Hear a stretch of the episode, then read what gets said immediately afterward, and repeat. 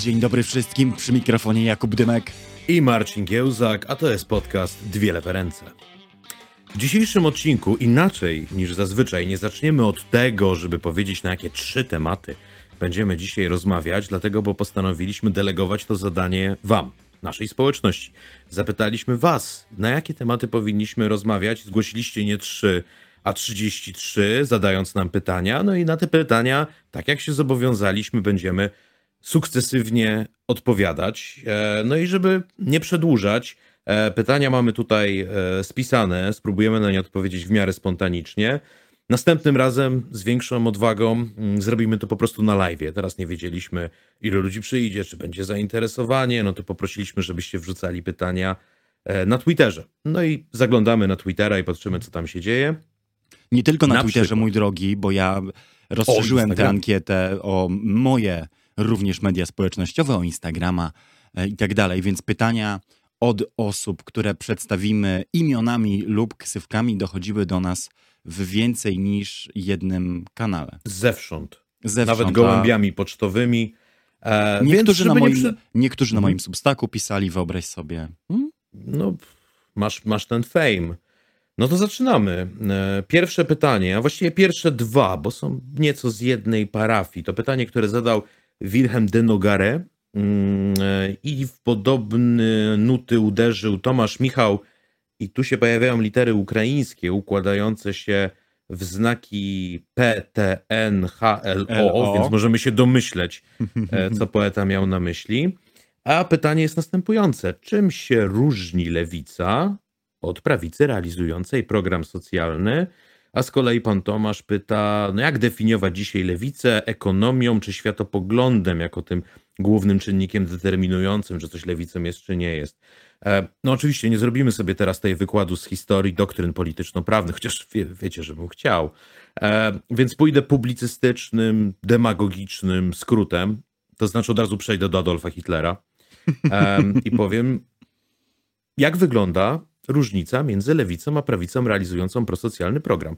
Bo w III Rzeszy nikt nie zaprzeczy, że program był bardzo socjalny. Mm, to znaczy były świadczenia e, najrozmaitsze e, od świadczeń na dzieci po świadczenia, ktoś chciał mieć e, w czasy pod gruszą, chciał się kształcić, chciał skorzystać z kasy zapomogowej. Był to jeden z najbardziej rozbudowanych tego, systemów, tego rodzaju systemów w Europie.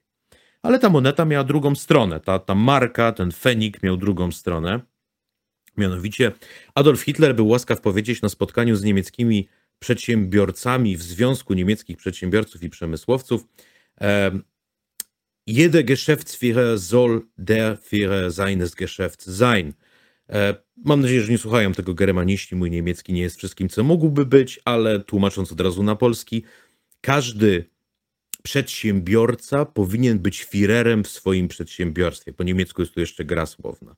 I to miało bardzo konsekwentne, bardzo konkretne konsekwencje. Na przykład Trzecia Rzesza zrealizowała chyba rekordowy, jeśli chodzi o mm, Niemcy mm, i niemiecką historię, program prywatyzacyjny. W latach 33, 34, 35 prywatyzowano absolutnie wszystko e, jak leci, no bo musiał być ten, ten Geschäftsführer, e, który stałby na czele tego wszystkiego. Ten Geschäftsführer, kiedy już się tam dobrze rozsadził, e, miał uprawnienia, o których nie mógłby pomarzyć przedsiębiorca e, w żadnym demokratycznym kraju. Dla przykładu, mógł zwolnić pracownika, jak tam mu się żywnie podobało, ale pracownik nie mógł odejść z pracy bez zgody pracodawcy. Była tak zwana książeczka pracy, jak pracodawca nie dał stempla, koniec.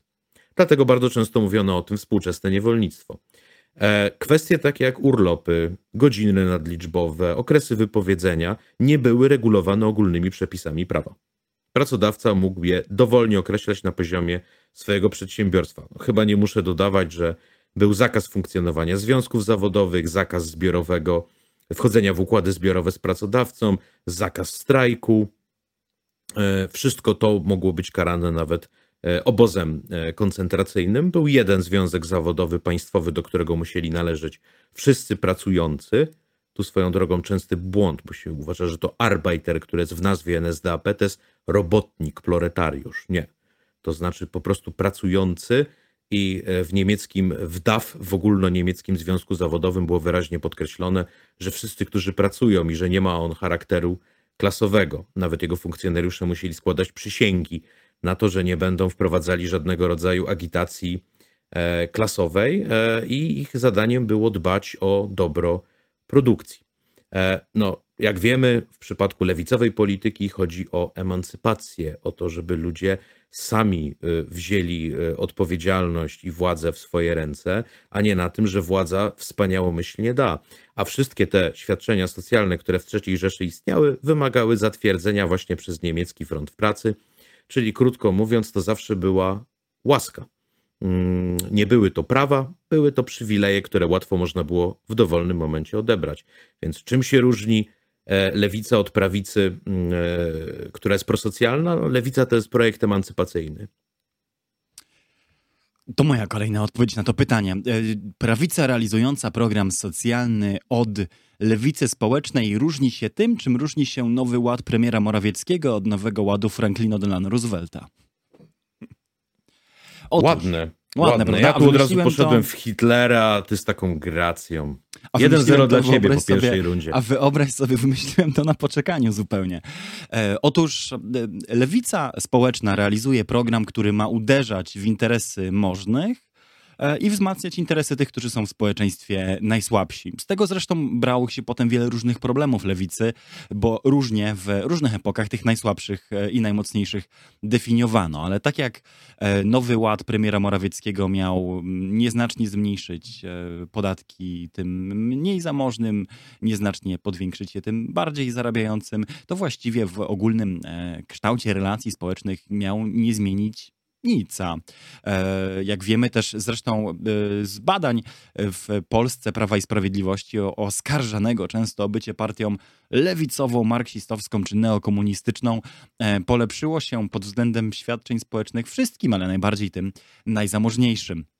W nowym e, ładzie Roosevelta zaś chodziło o coś trochę innego. Chodziło o to, e, że dokuczymy bankom, do, dokuczymy wielkim e, posiadaczom ziemskim, dokuczymy trochę Robert Barons, czyli tym złodziejskim oligarchom swojej epoki, po to, żeby w obliczu wielkiego kryzysu, załamania gospodarczego i obaw też o to, że amerykańskie społeczeństwo się po prostu sfaszyzuje albo skomunizuje, zapewnić pracę, chleb, e, zajęcie, bezpieczeństwo e, społeczne i wolność od nędzy możliwie szerokim e, grupom społecznym.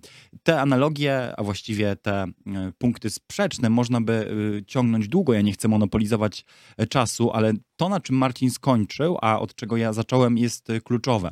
Prawica realizująca jakieś programy społeczne dąży do takiego przekonania, w którym ludzie mają znać swoje miejsce i wiedzieć, że dostają pieniądze od pańskiej ręki i tę pańską rękę całować. Lewica dąży do tego, żeby dzięki najróżniejszym programom umożliwiającym mobilność społeczną, większą partycypację np. kobiet w rynku pracy, e, zabezpieczenie ludzi od nędzy i e, choroby, umożliwić realizację wolności w tym społeczeństwie, e, mając cały czas świadomość, że to nie państwo daje i nie to, nie żadni, nie żadni panowie u władzy dają, tylko że dzielimy tort społeczny, produkt naszego, naszej wspólnej pracy, naszego wspólnego dobrobytu między różne grupy społeczne, tak aby umożliwić jak najpełniejsze uczestnictwo w życiu tego społeczeństwa różnym klasom, i grupą. E, co jest jeszcze, e, widzę, widzę Marcin, że wyrywasz się do głosu, ale co jest jeszcze tutaj ważne, to to, to to, e, że prawica realizująca jakieś programy społeczne, dając ludziom pieniądze, nie chce ich większego udziału we władzy.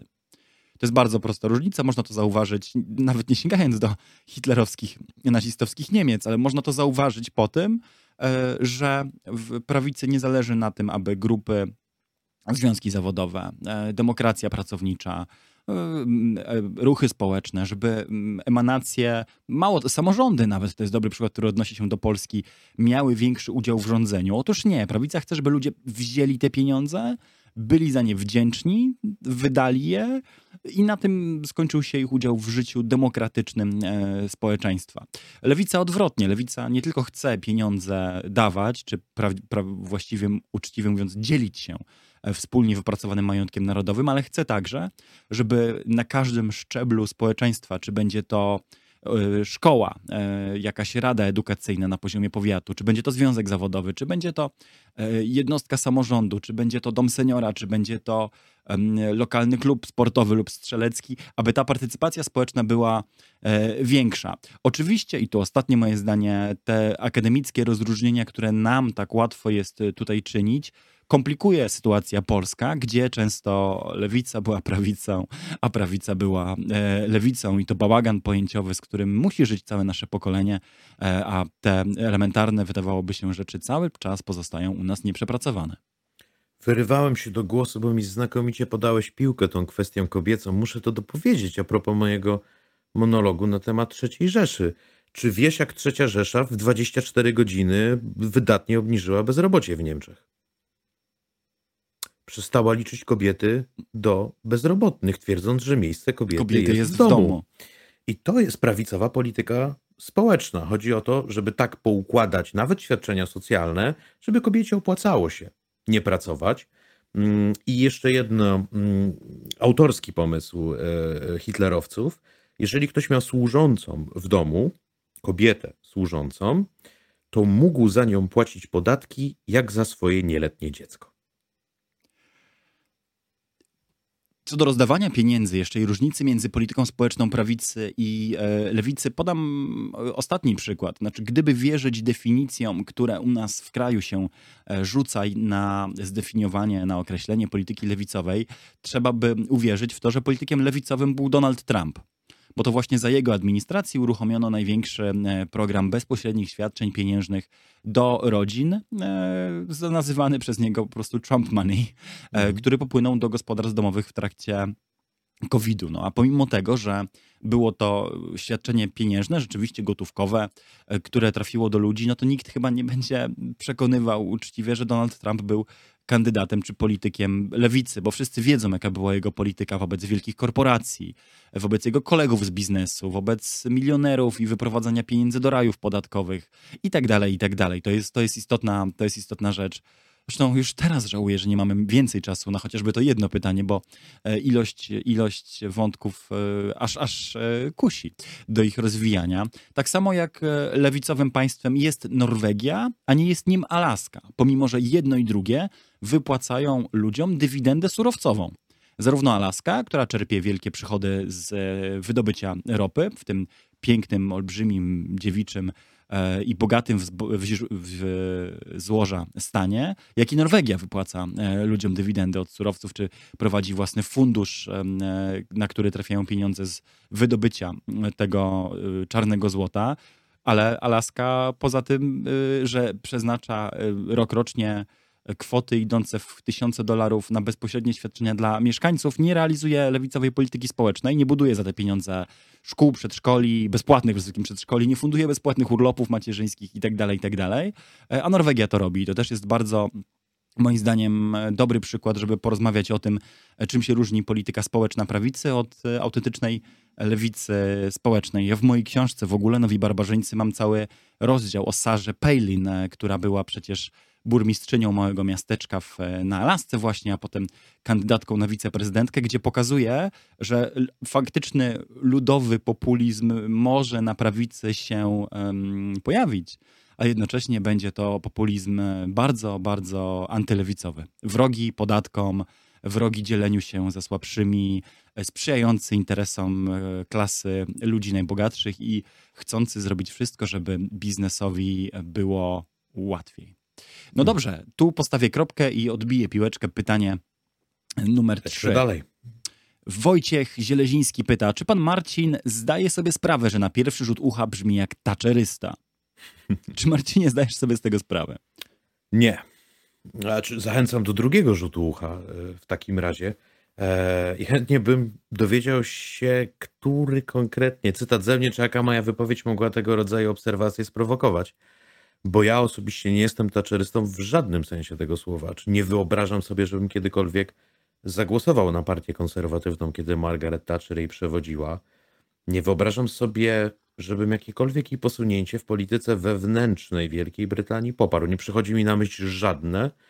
I co wyróżnia Thatcher wśród konserwatystów, dla mnie osobiście, e, ja żywię do niej dodatkowo bardzo silną personalną niechęć, której na przykład nie mam względem takich postaci jak Edward Heath, Harold Macmillan, Anthony Eden, że nie wspomnę o takich wybitnych torystach jak Benjamin Disraeli, którego szczerze podziwiam. Natomiast Margaret Thatcher nie tylko z przyczyn politycznych, ale z uwagi na jej snobizm, afektację, bycie ucieleśnieniem wszelkich najgorszych cech drobnomieszczaństwa, które dorwało się do władzy, nie jest bohaterką mojego romansu, mówiąc e, najdelikatniej, kiedy, kiedy żelazna dama, kiedy baronowa mm, rozstała się z nami już na zawsze i było mnóstwo mm, hołdów przez wszystkie media mm, e, jej składanych. Przypominam sobie audycję chyba w TVN-ie, dziennikarka zapytała się gościa, czy pan był, e, jest e, zdecydowanym taczerystą, czy takim bardziej umiarkowanym? I e, to były jedyne dwa wybory. No więc ja nie jestem taczerystą w żadnym sensie tego słowa. Kiedy Margaret Thatcher umarła, powiedziałem, że to jest dzień, żeby zadumać się nad ofiarami taczeryzmu. Od, od górników począwszy, od wszystkich tych ludzi na północy Anglii, którzy dołączyli do jedynego w bogatym zachodnim świecie, mówię Europie, underclass, nie ma odpowiednika czegoś takiego w Niemczech na przykład, czy w Holandii. E, biednych, pracujących białych. To jest, to jest dziedzictwo taczeryzmu. Czy o takich ludziach jak Bobby Sands, um, czyli o bojownikach Irlandzkiej Armii Republikańskiej, e, którzy byli mm, niezgodnie z prawem prześladowani i więzieni e, za czasów, kiedy Margaret Thatcher była e, premierem. Więc kategorycznie nie jestem tacherystą, a jeśli tak brzmię, no to muszę nad sobą popracować. Mnie nikt y, tego w pytaniach ani w życiu jeszcze nie zarzucił, ale gdybym ja musiał zmierzyć się z podobnym jak Marcin pytaniem, odpowiedziałbym jedną z piosenek z bogatej dyskografii Billego Braga. I tu postawię kropkę. Teraz ty zadajesz pytanie. Tak, była też piosenka Morrissey'a, której refren leciał All kind people have a dream, Margaret on a guillotine. E, kolejne pytanie e, zadał pan Sebastian Pypłacz i brzmi ono: Kolacja z Mencenem czy Tuskiem? Ja chciałem, zażart- ja chciałem zażartować w odpowiedzi na to pytanie, e, że z, wybrałbym raczej wizytę na ostrym dyżurze gastroskopicznym niż kolację z którymkolwiek z tej dwójki, ale byłoby to chyba za surowe. Uważam, że rolą dziennikarzy nie jest jedzenie z politykami kolacji, tu serdeczne moje pozdrowienia dla Roberta Mazurka z tej okazji, tylko zadawanie im trudnych pytań. E, I gdybym miał wybrać kolację z Mencenem albo z Tuskiem, to wyłącznie po to, żeby e, przeprowadzić z nimi porządny, solidny, bezpardonowy wywiad do jakiejś polskiej E, lub międzynarodowej gazety i tylko w takim e, charakterze widziałbym e, siebie z jednym z tych polityków i zarazem żadnemu z nich rozmowy uczciwej, e, twardej e, rozmowy na antenie e, polskich mediów bym z całą pewnością nie odmówił. Może jeszcze do tego kiedyś dojdzie, choć tyle, tyle powiem, o, że, że, pan Sławomir Mencen chyba kilka trudnych pytań jakoś jeszcze w swoim życiu usłyszał. Tak pre, prezes przewodniczący Tusk, przepraszam, ma tego pecha, że od lat już jest wyłącznie ułagodzony mhm. wywiadami z łatwymi pytaniami od Nie, mediów, jak, które, jak kiedyś dziennikarz mu, zaczął na poważnie mu zadawać pytania, to został dziennikarzem wyklętym. Tak. Oszalał. Jak on tak. mógł. Tak, jest ale pisowcem.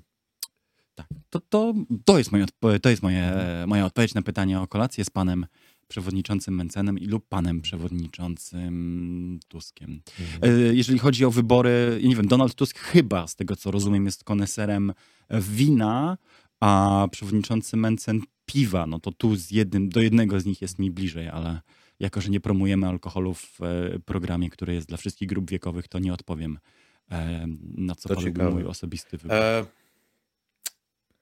ciężko wybrać jednego, kiedy tak bardzo chce się nie wybrać żadnego, ale ja bym chyba powiedział Donald Tusk, bo on jest w większym stopniu świadkiem historii. To znaczy, jako, jako historyk, jako publicysta, e, miałbym większą ciekawość tego, co bym miał mi do powiedzenia. E, a gdybym kiedykolwiek myślał o optymalizacji podatkowej z kolei, no to ewidentnie wybrałbym, wybrałbym pana Sławomira Mencena. Pytanie numer pięć. Pytanie numer pięć brzmi, Hubert, zadał je, zadał je Ale teraz Hubert ja, ja nie rozumiesz najprostszej zasady zadawania pytań na przemian, Marcin. Mhm. Jaka jest zasada? No, zadajemy pytanie na przemian. Ty przed chwilą zadałeś e, parzyste. Ja zadałem pytanie przed chwilą. A, to proszę, to ty zadawaj. Czy nie? Śmiało zadawaj pytanie. Yy, zbyt łapczywie do tego podszedłem. Jako taczerysta już chciałem zagarnąć więcej pytań dla siebie. Dajesz. Pytanie numer 5. Czy jest szansa na gościnne występy ludzi z prawicy dla kontrastu? Pyta pan Hubert. No może e, pan, panowie Mencen i Tusk chcieliby zjeść z nami kolację i tym samym już byliby ludzie z prawicy albo z centroprawicy. E, ale mówiąc poważnie, jest. Uważam, że jest nawet taka konieczność, że prędzej czy później trzeba będzie zacząć zapraszać gości. No i bo co trzecia lewa ręka z pistoletem e, będzie ciekawiej się pospierać, więc ja bym chętnie tutaj prawicowców zapraszał. To nawet nie jest kwestia tego czy, ale kiedy. Nie sądzę, że byłyby jakieś jakiekolwiek przeciwwskazania, żebyśmy już w najbliższych tygodniach zaprosili, porozmawiali z kimś z prawej strony. Ja nie wiem, czy to kolejne pytanie o yy, możliwość dyskusji prawicy i lewicy padnie. Było takie na liście. Ono mhm. padnie, czy nie padnie, Marcin? Wydaje mi się, że podciągnęliśmy wiele podobnych pytań pod jedno, kiedy one się. To odpowiem od razu na dwa w takim razie, jeżeli pozwolisz, bo mhm. pojawiło się również w liście waszych pytań pytanie od Kuby. Czy uważamy, że mm, dyskusja lewicy i prawicy in general, czyli w ogóle, e, jest już wykluczona? I moja odpowiedź na to pytanie brzmi kategorycznie nie. Nie tylko dlatego, że prowadzę program z Marcinem Kiełzakiem, ale dlatego, że e, wśród prawicowców mam e, przyjaciół, mam kolegów, mam dobrych mm, zawodowych e, znajomych, mam osoby, z którymi rozmawiam nie tylko z konieczności, ale i z wielką e, przyjemnością, więc e, moja osobista odpowiedź na to pytanie jest oczywiście, że nie. Ten dialog nie jest wykluczony, jest jak najbardziej możliwy. Chociaż rozumiem oczywiście, że pytanie Kuby dotyczyło też szerokiego spektrum medialnego i tutaj rzecz jasna odpowiedź jest radykalnie odmienna. Otóż dzisiejsze formaty medialne są tak skonstruowane, żeby twórczą i uczciwą dyskusję między prawicą i lewicą y, zamordować i zostawić ludzi tylko w przekonaniu, że, są, że celem mediów jest y, kibicowanie jednej, jednemu lub drugiemu z, ze zwaśnionych plemion i przekonywanie odbiorców tego konkretnego plemienia, że ci drudzy są skrajnie głupi, niekompetentni, niemoralni i wstrętni, a jedyna emocja, jaką należy wobec nich wyrażać, to E, pogarda. I tutaj jest olbrzymia wina mediów. Moglibyśmy spierać się, czy bardziej zawodzą te publiczne, czy bardziej zawodzą te y, prywatne, ale to jest trochę może na ten moment niekonieczne, natomiast powiem tyle. Pamiętam czasy, kiedy w telewizji polskiej mogłem rozmawiać, kłócić się, e, spierać, ale także zgadzać, na przykład z e, Sławomirem Cęckiewiczem, Jackiem Karnowskim, Łukaszem Warzechą, e, wieloma ludźmi, e, którzy, z kim jeszcze mogłem znać w telewizji? Naprawdę wielu, wielu, wielu ludzi prawicy wtedy poznałem dzięki antenom telewizji polskiej i polskiego radia. Dorotą Kanią na przykład, o proszę, też mi się przypomniało. E, a dzisiaj to nie jest możliwe. I teraz ostał ci się Ino 1. tak, a teraz ostał mi się e, Ino 1. Nie chcę monopolizować tej odpowiedzi, bo mam jeszcze wiele wycieczek w stronę amerykańską, ale piłeczka do Marcina. Marcin, czy ty uważasz, że dyskusja między prawicą i lewicą jest dzisiaj wykluczona? To jest prawda tylko wtedy, jeżeli to uznamy za prawdę i za samą spełniającą się przepowiednię. Nie ma według mnie nic prostszego niż dwóch ludzi, którzy spotykają się ze sobą. Można postawić mikrofon pomiędzy nimi, ale nie trzeba. I normalnie ze sobą rozmawiają. Z mojego doświadczenia najgorszy jest fetyszyzm drobnych różnic. To znaczy, jak się spotykam z prawicowcem, z którym wszystko mnie dzieli, to natychmiast znajdujemy coś, co nas łączy. A jak się spotykam z lewicowcem, z którym właściwie wszystko mnie łączy, to natychmiast najdrobniejsza rzecz, która nas dzieli, wywołuje ostry konflikt. Więc e, według mnie taka rozmowa jest możliwa, jest potrzebna.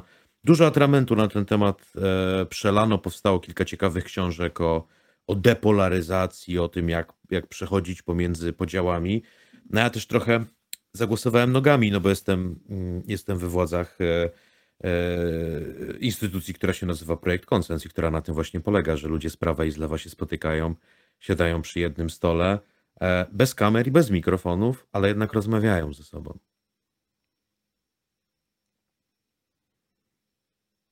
To co? Mm. No właśnie, nie, nie, Następne nie wiem, czy pytanie. nie wiem, czy ciągnąć, czy, czy, czy już Tak, bo jak ja miałem wszystkie pytania, to wszystko było jasne. Jak się teraz zaczęliśmy jak jacyś komuniści dzielić pół na pół, to teraz nikt nie wie, gdzie jest przód, a gdzie tył. Ja doskonale wiem. Jest numer parzysty, więc ty. Ja, pytanie numer sześć. Dobra. Pan Radosław Tokarz. E, chętnie bym się dowiedział, jak to w końcu było z tym upadkiem PRL-u. Czy było to miękkie lądowanie zaplanowane przez służby, czy faktyczna wygrana opozycji solidarnościowej? To zacznij jako historyk. Proszę. Jako historyk. Eee... Powiem tak. Mm, nie było to e, zaplanowane miękkie lądowanie przez służby w takim rozumieniu, że na przykład okrągły stół był spiskiem polegającym na tym, że władza komunistyczna wybrała sobie przebierańców po stronie solidarnościowej, z którymi zainicjowała fikcyjne obrady, które zakończyły się z góry ukartowanymi rozstrzygnięciami. Nie. Taką wizję dziejów jednoznacznie odrzucam. E, przeceniamy komunistów, jeśli uważamy, że oni tyle kroków do przodu planowali. Oni źle planowali. Oni uważali, że będą dalej rządzić. Tylko, że okoliczności przymuszają ich do tego, żeby się tą władzą podzielić z częścią obozu solidarnościowego, nie całym, to prawda, dokonali pewnej selekcji, ani z Solidarnością Walczącą, ani z Polską Partią Socjalistyczną nie chcieli rozmawiać, to, bo to byli radykałowie, ale z Centrum Solidarnościowym reprezentowanym przez Wałęsę, Geremka, Mazowieckiego, Kuronia, Michnika, braci Kaczyńskich i tak dalej rozmawiać już chcieli. No i stwierdzili, że ta rozmowa doprowadzi do tego, że się w niewielkim stopniu z Solidarnością podzielą władzą, ale wszystko to, co nastąpi dalej – trudności ekonomiczne, bolesne reformy, które już komuniści zaplanowali i tak dalej, odbędzie się z Solidarnością u władzy, a zatem na Solidarność spadnie odium tych trudnych reform. Solidarność się we władzy zużyje, no i władza będzie na tym e, zwycięska. Oni też mieli kawał sondaży, z których wynikało też zupełnie mylnie, e, w nie wierzyli, że wcale im nie pójdzie tak źle. E, nie mając też za bardzo doświadczenia w demokracji, e, zdecydowali się na bardzo niekorzystną dla siebie, jak się okazało, ordynację wyborczą, no i przeprowadzili bardzo słabą e, kampanię. Mm, więc intencja komunistów była zupełnie inna. Natomiast na pytanie, czy miękkie lądowanie było, tak było. I to jest, powiedziałbym, lewicowa krytyka końca PRL-u od czasów Jana Józefa Lipskiego i, i, i reaktywowanego PPS-u. E, uwłaszczenie nomenklatury było faktem, e, brak lustracji był faktem mm, i to, że miejsce po lewej stronie sceny politycznej zajęli postkomuniści, a nie postsolidarnościowa lewica było faktem. Tylko to nie był żaden spisek służb, jak zawarte jest teza w pytaniu, tylko to były polityczne decyzje podejmowane zresztą nie przy okrągłym stole, tylko już za pierwszych rządów solidarnościowych. Zwycięski obóz solidarnościowy nam to e, zapewnił. Taka jest moja wizja i optyka tych wydarzeń. Przypomniało mi się, czego nie powiedziałem w poprzednim pytaniu i szybko teraz e, to nadrobię. E, żywym dowodem na to, że w Polsce taka dyskusja jest możliwa, są poranki w polskim radiu RDC, w których uczestniczę we wtorki. Bo mamy taki skład komentatorski, gdzie jestem ja, Łukasz Warzecha z Tygodnika do Rzeczy i Adrian Stankowski z Gazety Polskiej, najczęściej cytowany dziennikarz wiadomości TVP. I w małej, stosunkowo małej, e, lokalnej rozgłośni Polskiego Radia my się spotykamy co wtorek, chyba już drugi, trzeci rok, e, często bardzo żywiołowo kłócąc, e, spierając, e, żartując sobie też nawzajem z siebie, ale nigdy jeszcze się nie pobiliśmy, nigdy jeszcze nikt się na nikogo nie obraził, nikt jeszcze nigdy nie odmówił podania ręki drugiej stronie, chociaż bywa też bardzo ostro i prowadzi najczęściej te rozmowy niezastąpiony i świetny w swoim fachu Grzegorz e, Chlasta, a wydaje Ola Głogowska. I moim zdaniem takie programy w małym radio RDC powinny być wyrzutem sumienia całej polskiej sceny medialnej. Znaczy, że możesz zrobić audycję, gdzie ponad politycznymi barierami gadają ludzie o naprawdę radykalnych poglądach, bo mnie od Warzechy Stankowskiego e, naprawdę sporo różni i ten trójkąt jest, powiedziałbym, dość szeroko, e, szeroko rozpięty, jeżeli chodzi o poglądy na rynek, państwo, stosunek do Ukrainy, do Unii Europejskiej, Niemiec, Stanów Zjednoczonych. Naprawdę te poglądy się, się od siebie radykalnie różnią, a jednak jest taki program, gdzie ludzie przez pół godziny co tydzień, co rano ze sobą dyskutują i, i wymieniają poglądy. Mm. Hmm. I, i no to dobra, jest, to teraz powiedz jak z tym komunizmem. To jest wstyd, że nie ma czegoś takiego w dużych e, ogólnopolskich mediach. Dobrze, dziękuję. E, pytanie, co do pytania o e, koniec e, e, Polski Ludowej i e, początek trzeciej RP.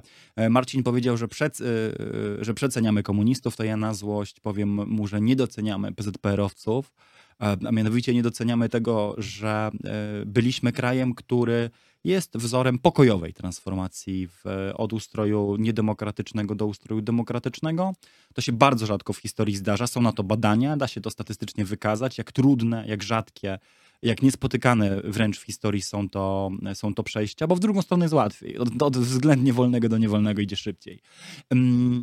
I nie doceniamy tego, że był to, że był to proces, który nie pozbawiony wad, bardzo oczywiście korupcjogenny, i, i ściśle, jak się okazało, elitarny, mimo wszystko e, przygotował grunt pod e, transformację ustrojową, która była brutalna, była dotkliwa, była, była bezduszna też często wobec ludzi ubogich, ale była pozbawiona w dużej mierze politycznej e, przemocy E, resentymentów, e, czystek, e, agresji, którą widzieliśmy w innych społeczeństwach, które podobny proces przechodziły.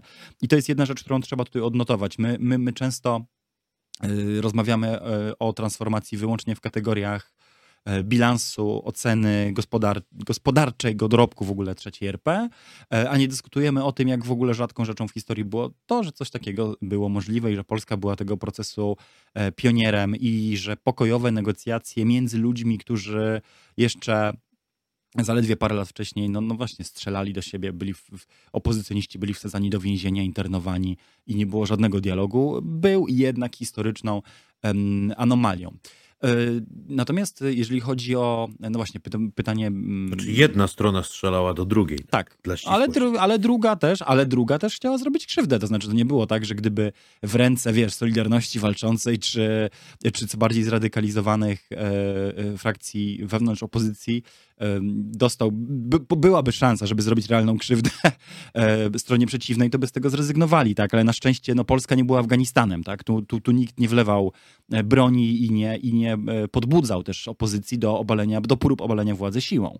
A były w tej samej dekadzie, doskonale o tym jako historyk Marcinie wiesz, były też inne kraje, gdzie inaczej się to dokonywało, tak? Gdzie, gdzie opozycja demokratyczna była przekonywana do tego, żeby na przykład jednak ruszyć tam szturmem na te, na te parlamenty. Zresztą też nie trzeba patrzeć e, daleko od nas, bo do aktów e, przemocy e, dochodziło w po prostu innych państwach również naszego regionu. Znaczy post, postsowiecka transformacja w samej Rosji, ale też w, w Rumunii, w Jugosławii, w wielu innych państwach prowadziła do prób zamachu stanu, do aktów politycznej wendety lub wprost wojen i wojen domowych. Ja, zgadzam się bez zastrzeżeń z tym, że Wojciech Jaruzelski e, nie bronił Grenady, kiedy Grenada już upadła, i w toku jego procesu jego adwokat mógłby te argumenty podnieść. Tak. Tak. A co do. Ale fakt, że proces się nie odbył, to już co innego.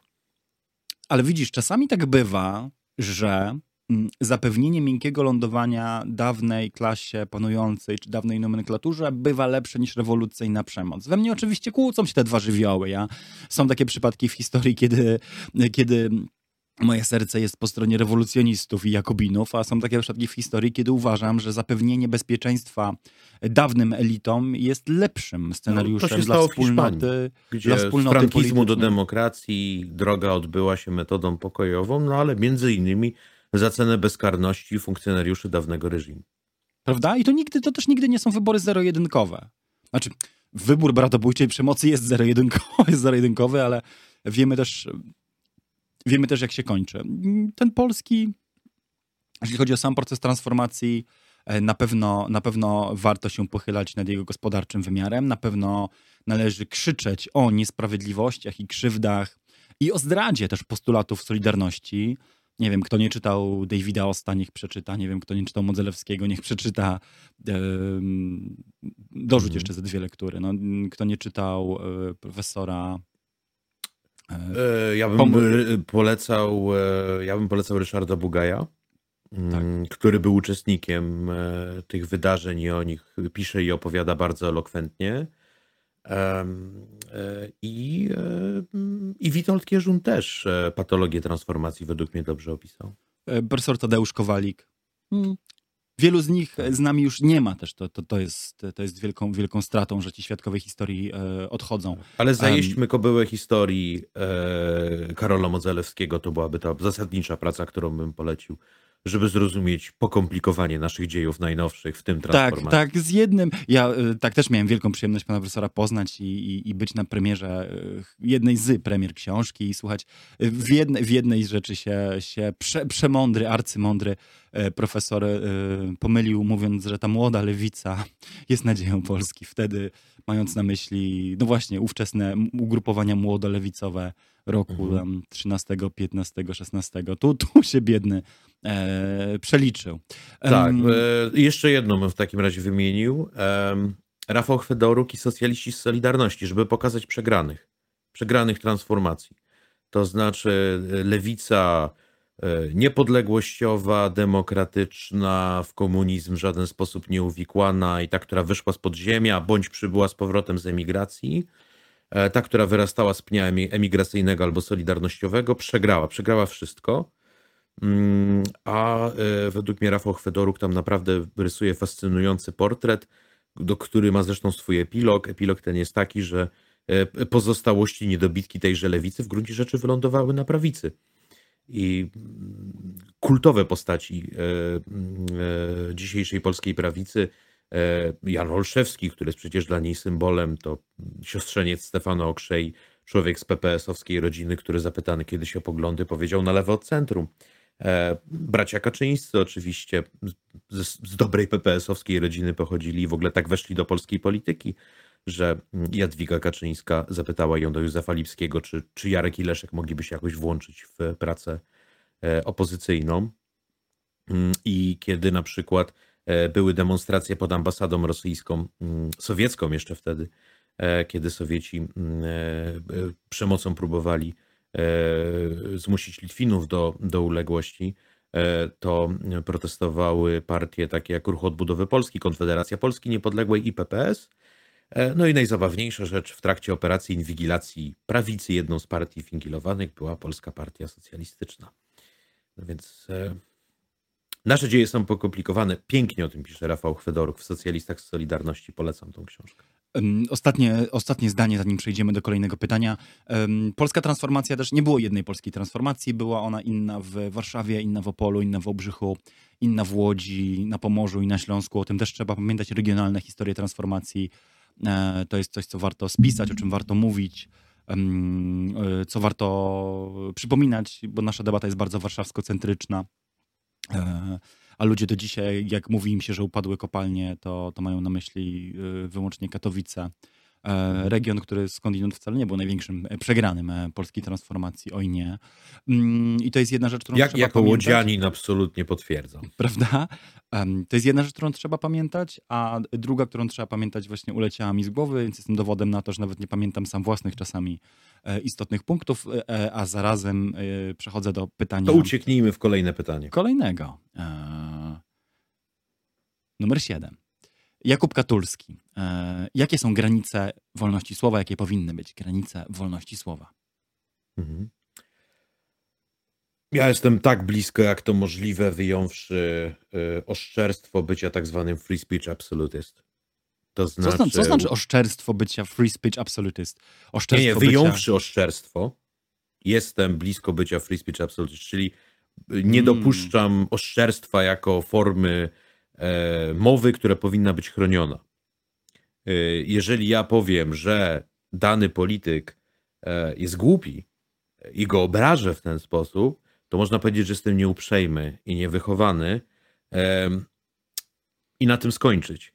Ale jeżeli ja powiem, że on ukradł milion złotych, a nie mam na to żadnego dowodu, to nie jest to samo. I nie powinienem bezkarnie móc powiedzieć, że on ukradł milion złotych. Więc oszczerstwa nie należy bronić. Ale wyjąwszy oszczerstwo, e, naprawdę nie widzę e, sytuacji, w której uzasadnionym jest ograniczenie wolności słowa, bo w sytuacji, w której komuś zabronimy czegoś powiedzieć, to nie tylko ograniczyliśmy jego wolność, ograniczyliśmy wolność nas wszystkich pozostałych, żeby wysłuchać tego, co on miał do powiedzenia i samemu wyrobić sobie na ten temat zdanie.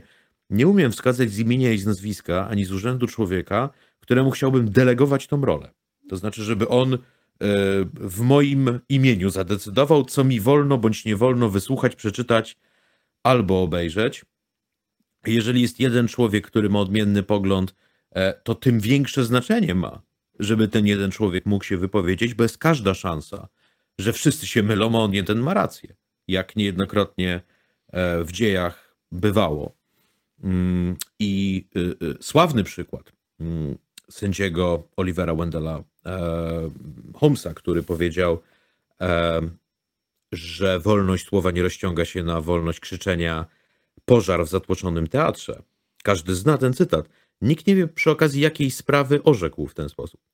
Otóż orzekł tak przy okazji sprawy, w której mówiący w jidysz i wydający gazetę w jidysz e, żydowscy socjaliści w Nowym Jorku rozdawali antywojenne pisma w czasie I wojny światowej, sprzeciwiając się akcesowi Ameryki do wojny.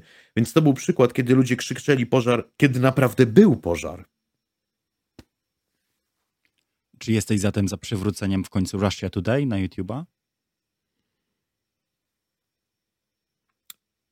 Zastanawiam się. Yy, zastanawiam się yy, dlatego, bo jednak tu mamy przypadkiem, kiedy mamy do czynienia z państwową propagandą. To znaczy, gdybyś mnie zapytał, czy należy wyrzucić Rosjanina z YouTube'a, który jest proputinowski, to bym natychmiast powiedział nie. Natomiast jeżeli to jest państwowa propaganda, zastanawiam się. No ale stosuje się ten sam argument. Miliony osób, które chciałyby w wolnym zachodnim społeczeństwie, no, mhm. nawet dla celów czysto poznawczych, poznać mhm. E, przekaz Russia Today, są tego pozbawione mhm. nie wskutek wyroku sądu, a arbitralnej decyzji tak. Komisji tak. Europejskiej, mm. którą egzekwuje prywatna amerykańska korporacja. I, I zdając sobie sprawę mm, ze wszystkich tego negatywnych konsekwencji, uważam, że między innymi tym my się różnimy od nich, że u nas, jeżeli ktoś chce posłuchać e, Russia Today, to może. Jeśli ktoś chce posłuchać Sołowiowa, to może. E, I, i nie mam nie mam obawy co do tego, e, jako taczerysta, że na wolnym rynku idei nasze idee wygrają. Ja podobnie Więc jak Mark. Tak. Mhm, mhm. Pytanie o granicę wolności słowa. Ja podobnie jak Marcin, e, nie tylko z tytułu moich życiowych przygód, ale także głęboko wyznawanych przeze mnie wartości, jestem e, zadeklarowanym i radykalnym i od zawsze byłem przeciwnikiem oszczerstwa i pomówienia z którymi, jak sądzę, należy walczyć, wykorzystując e, wszelkie dostępne do tego prawne metody. I uważam, że jedną z gwarancji wolności słowa e, jest skuteczna egzekucja e, właśnie prawa przeciwko pomawianiu ludzi i oszczerstwu i naruszania dobrego imienia, bo tylko wtedy będziemy mogli zagwarantować przestrzeń faktycznej, wolnej wymiany poglądów, gdy sobie zapewnimy również e, e, szybkie dochodzenie racji tych, którzy, którzy stali się bezsprzecznie ofiarami tej, tej wymiany poglądów, zostali potraktowani w sposób nielegalny, bezprawny czy wprost zbrodniczy. Tak. Dyskusja ta jest w ogóle dzisiaj tym, tym, tym bardziej ciekawa. Dyskusja o granicach wolności słowa, że po pierwsze, a nie wyznaczają jej dzisiaj państwa, tylko podmioty prywatne. Wyznacza je YouTube, Spotify, Twitter, Facebook, e, Instagram, TikTok. E, przykład tego ostatniego, czyli TikToka, pokazuje też, że coraz częściej granice wolności słowa w świecie zachodu nie są już nawet w zasięgu instytucji politycznych e, samego zachodu. To jest bardzo, to jest bardzo też ciekawe. Po drugie, ta dyskusja jest ciekawa, bo bieguny nam się przesunęły. Otóż były takie czasy, gdy. I perony nam odjechały gdy, mów za siebie, gdy lewica i liberałowie byli jednoznacznie kojarzeni z wolnością słowa, a prawica i konserwa z cenzurą. E, dziś oglądając dyskusję w internecie, e, odbiorca może odnieść wrażenie, że te proporcje się e, odwróciły o 180 stopni. Mm. Dopóki Ron DeSantis w Kalifornii nie chce zakazać critical race theory. Na Florydzie. W Kalifornii, na... nie może, w Kalifornii nie może bez gubernatorem Florydy. Powiedziałem w Kalifornii, przepraszam, na Florydzie oczywiście. Dzień, w którym Ron DeSantis wygrałby wybory w Kalifornii byłby przełomem w amerykańskiej polityce. natomiast e, na Florydzie oczywiście, co jest e, przejawem tego, że prawica też czuje tą potrzebę, żeby kancelować i zakazywać. Nie, ja Wcale nie, mówię, nie słabiej niż lewica. Dlatego celowo, precyzyjnie powiedziałem, mógłby mieć wrażenie, ja nie mhm. twierdzę, że tak się stało. Ja nie twierdzę, że dzisiaj prawica e, to pryncypialni e, i honorowi e, i wiarygodni obrońcy wolności słowa.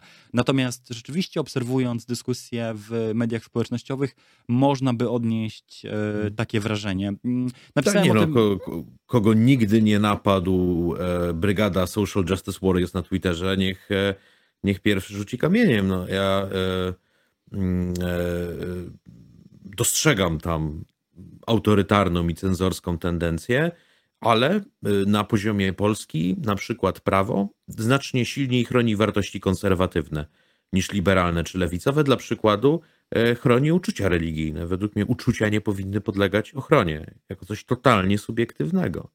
E, czy na przykład e, ochrona czci głowy państwa. Nie uważam, że należy ubliżać głowie państwa.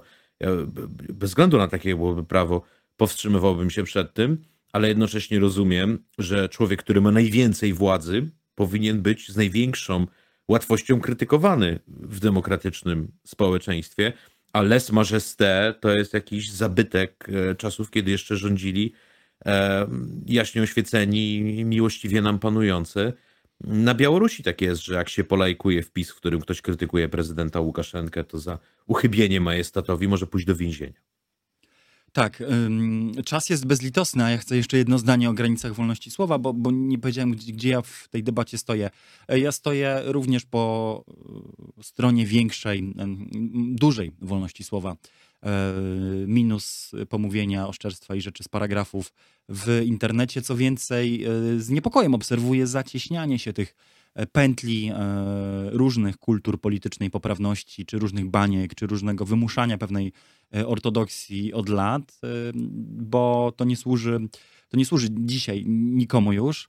E, a ja osobiście też wiele się, wiesz, dowiedziałem tak naprawdę i czuję, że mój jakiś tam światopogląd jest bogatszy dzięki temu właśnie, że czytałem ludzi, z którymi się fundamentalnie nie zgadzałem, którzy wydawa, których poglądy wydawały mi się kredyńskie, bezmyślne, jakby idiotyczne.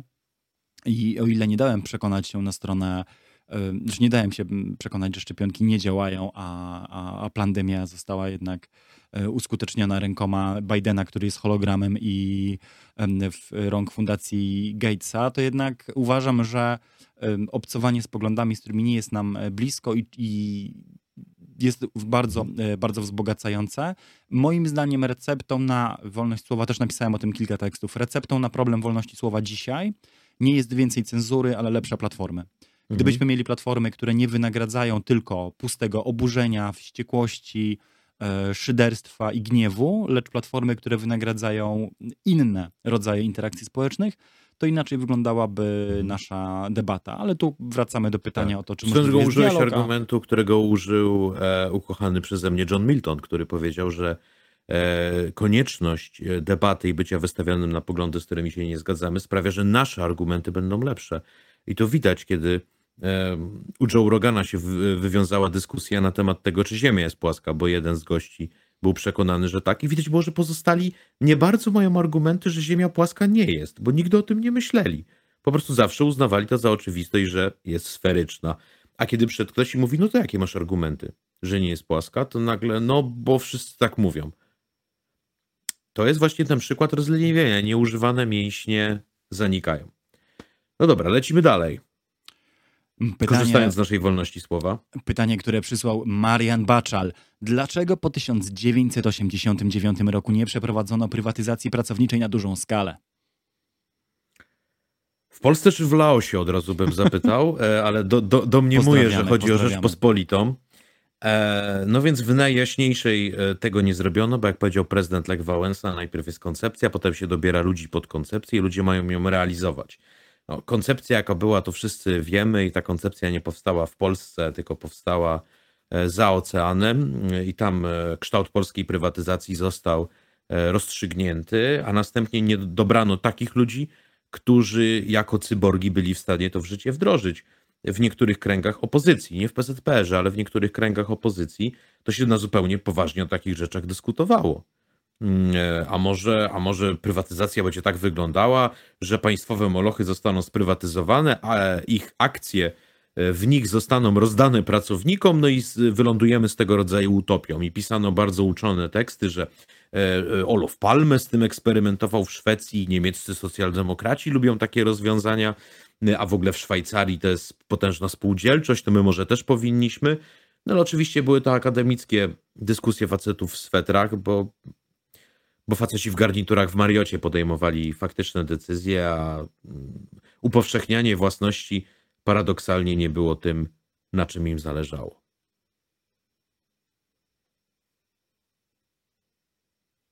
Kolejne pytanie. Chcesz zainterweniować w tym sporze, czy... Nie mam nic do dodania. Się? Kolega przedmówca wyjaśnił. No to, no to, ja, to ja rzucę w ciebie innym pytaniem, mm, które, które zadał już cytowany Wilhelm de Nogare. Dlaczego bycie obrzydliwie bogatym nie jest dobre? W jaki sposób szkodzi to innym? Gdy bardziej opłaca się akumulować e, zyski i majątek, a nie go inwestować, tracą na tym wszyscy. Czy ktoś jest socjalistą, czy kapitalistą, czy wierzy w gospodarkę mieszaną, wiemy, że lepiej dla nas wszystkich, gdy pieniądze wydawane są na inwestycje, a nie na budowę e, kolejnego pałacu, E, prywatny lot w kosmos, e, złoty sedes na pokładzie złotego prywatnego odrzutowca, a nawyki konsumpcyjne klasy ultramiliarderów dowodzą, że znana nam już kategoria ostentacyjnej konsumpcji, sformułowana przez klasyka socjologii ponad, ponad 100 lat temu, wynaturzyła się już ponad wszelką, wszelką miarę i jest już konsumpcją właściwie nie tyle ostentacyjną, co głęboko antyhumanistyczną i antyludzką. To, to, to po pierwsze w świecie ograniczonych jednak zasobów, wyzwań klimatycznych, demograficznych, e, społecznych i po prostu globalnych problemów, e, pewien poziom bogactwa rzeczywiście przekracza granice obrzydliwości i szkodliwości. Jest też tak, że obrzydliwe bogactwo w systemie takim jak przykład amerykański, który nie nakłada żadnych ograniczeń na dotacje polityczne, tworzy ryzyko oligarchizacji społeczeństwa i kupowania sobie po prostu przez ludzi zamożnych prawa i polityków pod siebie.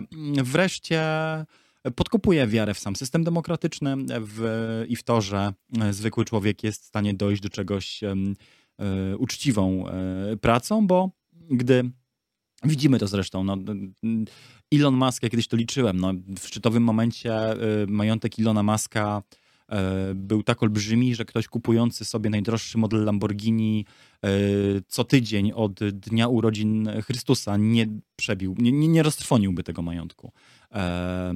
Ilona Maska, kupując sobie, już nie pamiętam, czy to było codziennie, czy to tydzień, e, na, na jakiś najdroższy komercyjnie dostępny dla zwykłego człowieka samochód, nie roztrwoniłby przez te dwa y, ponad tysiące lat majątku, którym y, dysponuje Elon Musk. Ja w tekście, w tekście pod tytułem Technokracja pokazywałem też, że olbrzymie pieniądze w e, rękach garstki tak naprawdę e, przebogatych ludzi, często o mentalności e, wciąż zakochanych w science fiction nastolatków prowadzą do tego, że oni owszem starają się rozwiązać problemy galaktyczne, ale nie widzą tego, co pod ich nogami, czyli e, Ziemi i problemów tych, którzy muszą tutaj, e, tutaj żyć. Mm, co jeszcze, co jeszcze można dodać w kwestii, w, kwestii w kwestii obrzydliwego bogactwa miliarderów? No może też to, że daje im ono, o właśnie, kolejny przykład z Maskiem, że pojawia się um, takie przekonanie, że ma się prawo interweniowania w losy innych państw. Elon Musk, będąc tak bogaty i traktując e, wytworzoną przez należące do niego firmy technologię trochę jak swoją własność, potrafi zagrozić, no, że jednego dnia zabierze Ukrainie te, te satelity Starlink dające internet, albo im da, albo im nie da. To jest też funkcja e, tego, że są jednostki tak obrzydliwie bogate, że widzą siebie jako potężniejszych od państw. No, Mark Zuckerberg grozi Nowej Zelandii, że odetnie ją od newsów, tak? E, Trump, e, będąc prezydentem, ale też grozi wielu, groził wielu państwom różnymi obrzydliwymi, niepokojącymi rzeczami. Musk groził Ukrainie i tak dalej, i tak dalej. Ostatni przykład, ostatni przykład jest też taki, że to wyjaśnił mi Oliver Bullock, autor cytowanej tu już przeze mnie książki kamerdyner świata, a wcześniej Moneyland. Bullock powiedział coś takiego. Ludzie o olbrzymich fortunach którzy rozkradli całe społeczeństwo, istnieli od zawsze. Tak, cywilizacja działa tak, że kiedyś był ktoś taki bogaty, że ukradł wszystko yy, i kazał sobie budować za to pałace, świątynie, pomniki i, wystawne, wystawne bankiety na swoją cześć. Tak to zawsze działało, że był jakiś jeden bandyta sprawniejszy od innych. Tylko, że dzięki temu powstała cywilizacja, bo ci ludzie musieli również kazać, ci obrzydliwi bogacze swoich czasów, czy to bogacze starożytnych, starożytnej Mezopotamii, starożytnych Chin, Indii, e, czy Europy, ci, ci bogacze swoich czasów musieli też kazać budować rzeczy, które są przydatne powszechnie. Drogi, miasta, osady, porty, silosy zbożowe, młyny, masę rzeczy, która, e, która musiała istnieć, żeby wspierać ich królestwo i ich panowanie. Otóż dzisiejsi bogacze wcale nie muszą tego robić. Po prostu mogą e, schować pieniądze na Kajmanach, e, na Cyprze, Seszelach, Wyspach Dziewiczych i mm, nie niepokojeni przez nikogo dożyć, dożyć setki, nie wydając ani centa z tych pieniędzy, które ukryli przed wszystkimi, przed własnymi dziećmi, własną partnerką, własnym urzędem skarbowym i, i aparatem państwa. Tym się pokazywał Buloch. Dzisiejsi oligarchowie różnią od tych poprzednich, ci dzisiejsi nawet w swoim apetycie na ostentacyjną konsumpcję nie fundują niczego, co dołożyłoby się do rozwoju naszej cywilizacji. Hmm. Ja bym uzupełnił Twoje uwagi, z którymi się w większości zgadzam, tylko uściśleniem terminologicznym. To znaczy, ja akceptuję oczywiście fakt, że są na tym świecie ludzie bogaci, że istnieją nierówności majątkowe, ale dawka czyni truciznę. To znaczy, kiedy te nierówności robią się zbyt wielkie i kiedy ludzie bogaci robią się obrzydliwie bogaci, zaczynamy mieć problem, a raczej wielość problemów, e, bo dorzuciłbym do tego jeszcze to, że grozi nam de facto taka refeudalizacja społeczeństwa gdzie po prostu czyjaś pozycja społeczna, a nawet czyjeś prawa i obowiązki stają się dziedziczne w coraz większym stopniu, e, czemu nawet liberałowie powinni być przeciwni, no bo przecież liberałowie winni wspierać ideał self-made mana. Liberałowie wymyślili dlatego podatek spadkowy. Mm, e, kolejna sprawa. Mm, przestajemy być jednym narodem. I tu nie tylko lewicowcy, ale i Narodowcy powinni na to zwrócić uwagę. Jeżeli mamy ludzi, którzy e, mieszkają w różnych częściach miasta, chodzą do kompletnie różnych szkół, do różnych szpitali, e, oglądają inne programy, nie mijają się w żadnej sytuacji i nie mają ze sobą absolutnie nic wspólnego, no to zaczynamy w pewnym momencie żyć w realiach, które, które znają e, Hindusi, gdzie klasa rządząca raczej mówiła po angielsku i niewiele miała wspólnego z resztą autochtonów, czy, e, czy jak tak zwani wyewoluowani Afrykanie we francuskiej Afryce Zachodniej. A to oznacza, że nie mamy już jednego narodu, że pęka i się rozpada, rozdziera się e, po szwach e, klasowych, co ma jeszcze jedną tragiczną konsekwencję. Nie jest możliwa demokracja. Oczywiście w tych warunkach. Powiedziałem to. Że powiedziałeś to? Tak, ale ja to powiedziałem z, znacznie czytelniej, bardziej aforystycznie. E, Numer 10. Więc e, to ludzie zapamiętają i będą odnosić się do prawda. tego w komentarzach. Czuję, że postawiłem kropkę nad i swoimi słusznymi uwagami, więc możemy zmierzać ku następnemu pytaniu. Pytanie nie? 10. Wilhelm de Nogare. Co z Trybunałem Konstytucyjnym? Który ja mogę odpowiedzieć bardzo krótko. Ja jestem przeciwnikiem Trybunałów Konstytucyjnych. Tak w ogóle. E, uważam, uważam, że e, niepotrzebna jest nam trzecia izba parlamentu, e, która ma nadrzędną i zwierzchnią władzę interpretowania, która może być większą władzą od władzy ustawodawczej czy wykonawczej. E, Sądem Najwyższym w Polsce są Polacy i ich demokratyczna wola. E, mi się Trybunał Konstytucyjny jako taki nie podoba, jako, jako pomysł i idea. Ja nie jestem przeciwnikiem Trybunałów Konstytucyjnych. E, jako e, dobry lewicowiec, socjaldemokrata, e, czerwony tutaj po prostu jak cegła podcaster.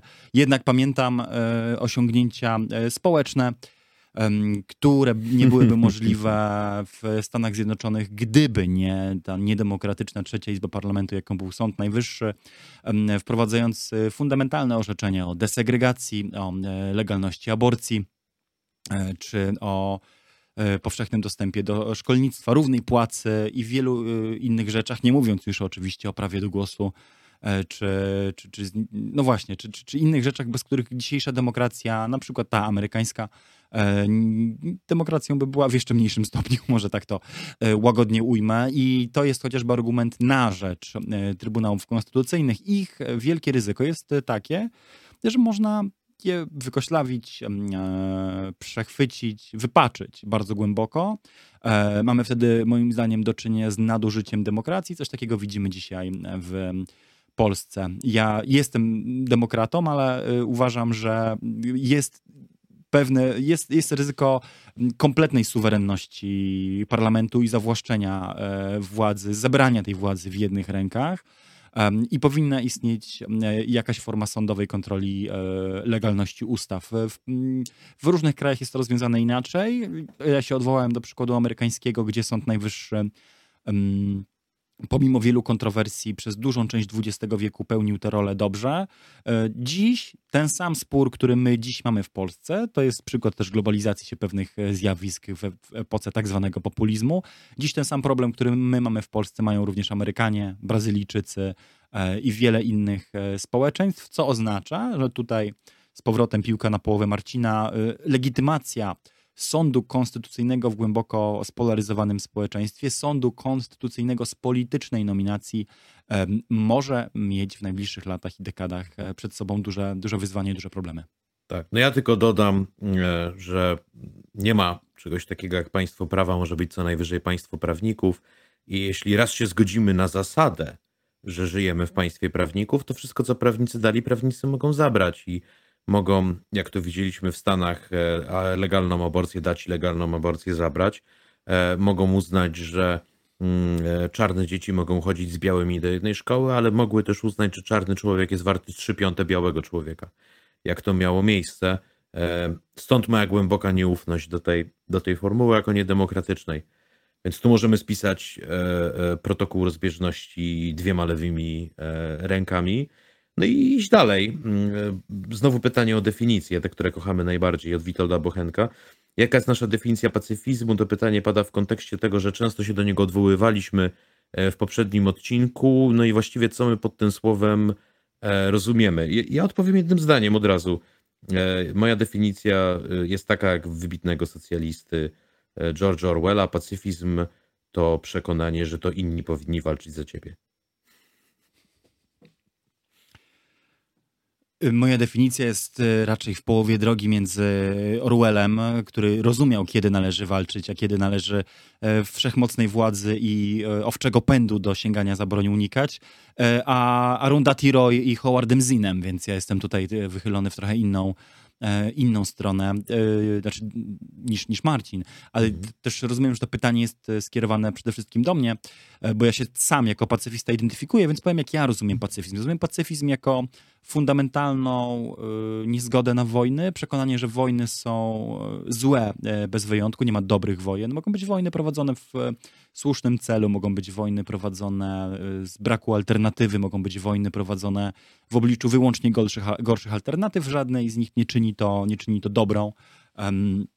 Historia zna niezwykle mało przypadków, że wojny przyniosły szczęście, dobrobyt i, i pokój, a my raczej mamy tendencję, żeby skupiać się na tych historycznych wyjątkach, gdy wojny raz na zawsze jakiś konflikt zamknęły, zamiast go na nowo otwierać.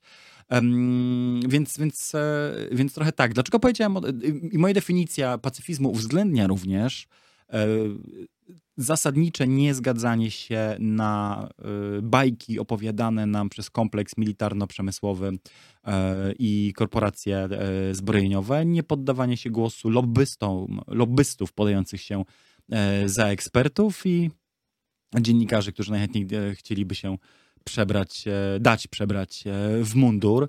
Wreszcie moja definicja pacyfizmu wiąże się z pewnym rodzajem dyskursu publicznego i pamięci historycznej, która każe pamiętać o cywilnych ofiarach wojny. To jest coś, co w Polsce mieliśmy przez wiele, wiele lat szczególnie nieprzepracowane. Lubiliśmy sobie opowiadać o II wojnie światowej, ale na przykład o powstaniu warszawskim, ale bez rzezi woli. No, lubiliśmy mówić o heroicznych zwycięstwach także zimnej wojny, ale może bez palonych żywcem Wietnamczyków, tak? czy, czy nie wiem, Irakijczyków e, lub dzieci w Afganistanie, którym miny urywały nogi przez kolejne dwie, dwie dekady i tak dalej, i tak dalej. Więc mm, też moja definicja pacyfizmu wiąże się oczywiście e, ze stwierdzeniem, że zdecydowana większość toczących się na świecie wojen to wojny kosztem cywili. Wojny kosztem e, niewinnych, wojny kosztem tych, którzy się na nie, nie dobrowolnie nie, nie pisali. Um, to, to chyba z tych trzech punktów się e, ona składa, a skoro się na Arundhati Roy powołałem, to no właśnie, cytował z pamięci, ale Roy powiedziała kiedyś, że zwolenników pokoju nazywa się naiwnymi ale jak nazwać ludzi, którzy twierdzą, że idą na wojnę z powodów tak niewiarygodnych jak e, promocja demokracji, e, walka o dobro czy odsunięcie nieprzyzwoitych ludzi od władzy. E, strasznie kaleczę ten cytat, ale, ale e, często się na, na Roy właśnie w tym kontekście powołuje, bo Roy zwraca uwagę na coś ważnego. To znaczy, jeżeli ktoś mówi, że jest za pokojem, to z definicji, szczególnie w naszym społeczeństwie, uważa się go za naiwniaka, a dzisiaj to już w ogóle jeszcze za kogoś bardzo podejrzanego. E, a ilekroć ktoś woła o wojnę, to jakoś nie wiedzieć, czemu przykłada mu się nimb człowieka poważnego, a przynajmniej zdecydowanego w swoich poglądach. Mamy tendencję koszmarną moim zdaniem, do y, po stokroć surowszego oceniania ludzi, którzy się w swoim pacyfizmie czy w swojej niechęci do wojny pomylili, e, niż ludzi, którzy parli do wojny i pomylili się e, za cenę cudzej krwi o stokroć bardziej. I tu można by wiele, wiele przykładów wiele przykładów wymieniać. Natomiast e, co do tego, jak używaliśmy pojęcia pacyfizmu w minionym odcinku, to nie wiem. Sądzę, że wymiennie, sądzę, że w różnych kontekstach, sądzę, że w odniesieniu do bardzo różnych spraw, e, więc proszę nie traktować tego jakoś bardzo zobowiązująco. Ja powiedziałem, co wyznacza, co wyznacza moje poglądy i tutaj, tutaj tego się trzymam i tego raczej jakoś jestem, jestem gotów, gotów bronić. To ja tu spuentuję też jednym krótkim cytatem. Jest taka świetna scena w filmie Chwała E, Roberta Zemekisa, gdzie rozmawia ze sobą dwóch amerykańskich oficerów w okresie wojny secesyjnej. I jeden z nich mówi: Po co to wszystko? To znaczy, przebieramy się w jakieś kolorowe mundury, bijemy w tarabany, nosimy sztandary i, i mordujemy siebie na jakiejś e, równinie. E, zabijamy ludzi, których nigdy nie widzieliśmy, którzy nam osobiście nie zrobili nic złego. Po co to wszystko i dlaczego to robimy? A ten drugi oficer odpowiada: no, bo obawiam się, że tamci, drugi, tamcy drudzy się przy tym upierają. No i zazwyczaj tak jest, że są jacyś tamcy drudzy, którzy się przy tym upierają. Um, tak, ale i... wokół... Dobra, chcesz mhm. skończyć? E, e, dokończę tylko tą myśl i mm, bardzo często po prostu jest tak, że e, realnie nie ma możliwości być pacyfistą, jeśli nie chcemy się po prostu poddać woli e, innych.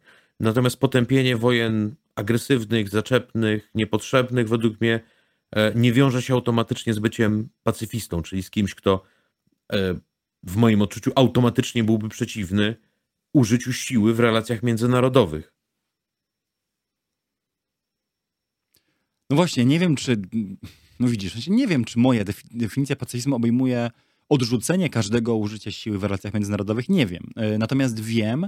A na którą że... wojnę byś poszedł? To zapytam tak z historycznych wojen. Gdzie byłaby taka stacja, że... Punicką. Po której stronie? myślałem, że cię, myślałem, że cię, myślałem, że cię zagnę.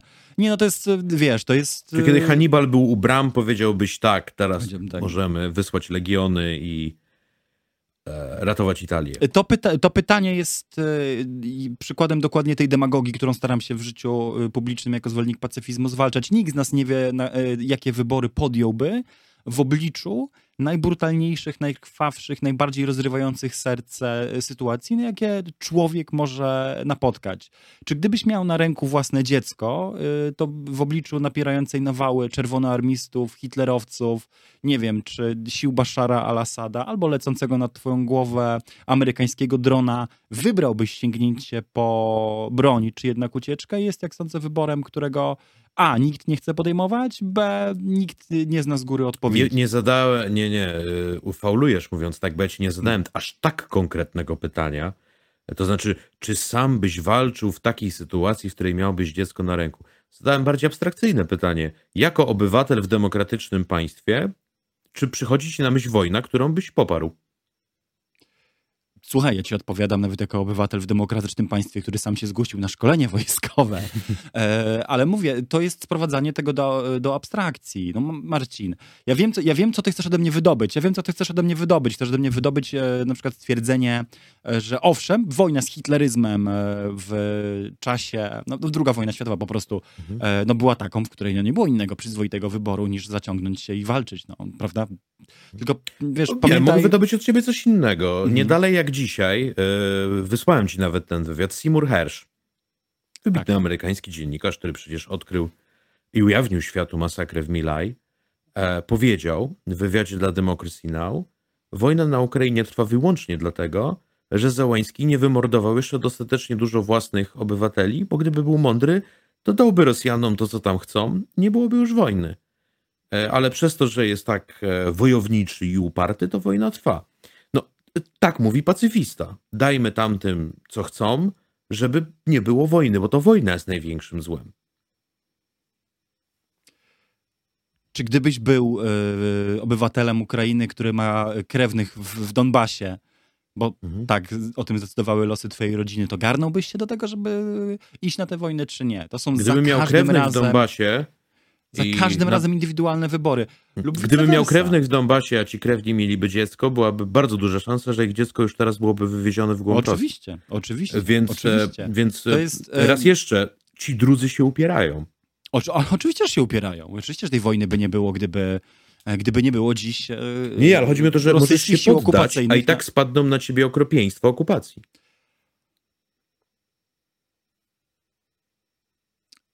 Dokonujesz znowu tej też redukcji, której się widzisz, mamy coraz mniej czasu też przypomnę ci, dokonujesz znowu tej demagogicznej redukcji, która towarzyszy pacyfizmowi w, w polskiej debacie.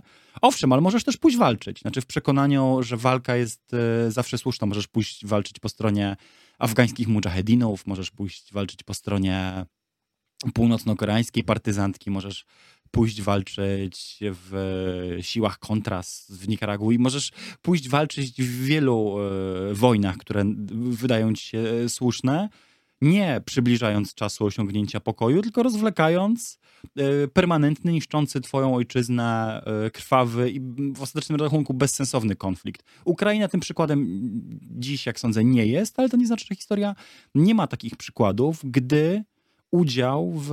Zresztą czego innego, jak nie tego dotyczy spór o powstanie warszawskie, Marcin? No właśnie tego, czy y, heroiczny i moralnie właściwy wybór stanięcia z bronią przeciwko hitlerowskiemu okupantowi nie był w efekcie impulsem do hekatomby 200 tysięcy cywili. E, powstanie warszawskie oparte było o kalkulację polityczną, nieetyczną. I możemy powiedzieć, że ta kalkulacja polityczna była błędna, że Warszawa zdobyta i wyzwolona będzie Warszawą, w której powitamy Sowietów jako gospodarza. Ono było politycznie wymierzone nie w Niemcy. To nie było powstanie antyniemieckie, ono było militarnie wymierzone w Niemcy, ale politycznie miało funkcję jak najbardziej antysowiecką. Ale nie, nie chcę jak teraz rozumiem, w dyskusję rozumiem, o, o, powstaniu jak rozumiem, warszawskim. Jak rozumiem, przyniosło porażkę na obydwu frontach, co trochę dowodzi Przyniosło mojego, porażkę na obydwu frontach, mojego, tak. mojego, argu, mojego argumentu. E, chcę powiedzieć nie, tak. nie, nie, nie wchodzę z tobą w spór odnośnie tego, czy powstanie warszawskie było zwycięstwem, było klęską. E, natomiast e, nie chcę otwierać sporu o powstanie e, warszawskie. Mogę cię wezwać do tego, żebyś jako dobry pacyfista złożył broń w tym sporze i przyznał mi rację. Będziemy wtedy mogli przejść do kolejnego pytania. Dobrze, ale ostatnie zdanie musi być moje, więc widzisz, pokażę ci, że pokojowymi Dobrze, metodami... składając broń, powiedz, pokojowymi, co byś Pokojowymi metodami również można osiągnąć swoje cele. Nie, no chcę powiedzieć, że e, kategorycznie nie zgadzam się też na tą redukcję pacyfizmu do partii białej flagi, odmowy walki, e, ulegania agresorom za wszelką cenę. W ogóle nie o to chodzi. Raczej chodzi o to, że partia wojny ma w dzisiejszym dyskursie carte blanche. To znaczy, można mylić się wyłącznie na rzecz wojny. Można mylić się, gadając dowolne głupoty, wyłącznie na rzecz wojny. Radek Sikorski, twój ulubiony bohater, może mówić, że Załońskiemu należy dać atomówkę. Już pomijam mhm. jakby logistyczne, prawne, to jest nielegalne w ogóle, tak? Logistyczne, prawne, międzynarodowe e, e, absurdy tego projektu, ale można się mylić tylko w tym kierunku, tak? Mhm. Przekonując, że wojna że tylko eskalacja jest jakby sensowna, natomiast nigdy nie można mylić się w drugim kierunku. Spokojnie ludzie, Radka Sikorskiego ludzie, odnajdziesz po obydwu stronach każdej ludzie, wielkiej którzy, debaty. To prawda. W sprawie ludzie, wojny którzy, w Iraku też zmienił zdanie. E, ludzie, którzy przekonują e, o czymś przeciwnym, że wojna, wojna E, jest e, zawsze krwawa, zawsze bezduszna, nawet te słuszne kończą się źle i e, niejednokrotnie kończą się źle i że warto ich unikać. Są rozliczani dużo, według dużo surowszych, o może tak, według dużo surowszych kryteriów niż ci, którzy mówią coś przeciwnego, ale nie rozstrzygniemy dzisiaj. Pytanie brzmiało, jak definiujecie pacyfizm? Ja mam nadzieję, że w trzech punktach wy, wy, wyjaśniłem w miarę precyzyjnie, jak ja go definiuję. To, że Marcin jako militarysta i sabotażysta chciał wykoleić moją I odpowiedź i taczerysta y, pozostaje winić e, wyłącznie jego jako stronę agresywną. Pytanie kolejne. Franciszek Nowak. Czy PO to lepsza, for, lepsza informacja, tudzież formacja, niż PiS? Jak rozumiem w kontekście nadchodzących wyborów parlamentarnych? Marcinie. Nie. Eee, to ja też, ja też krótko. Eee, tak.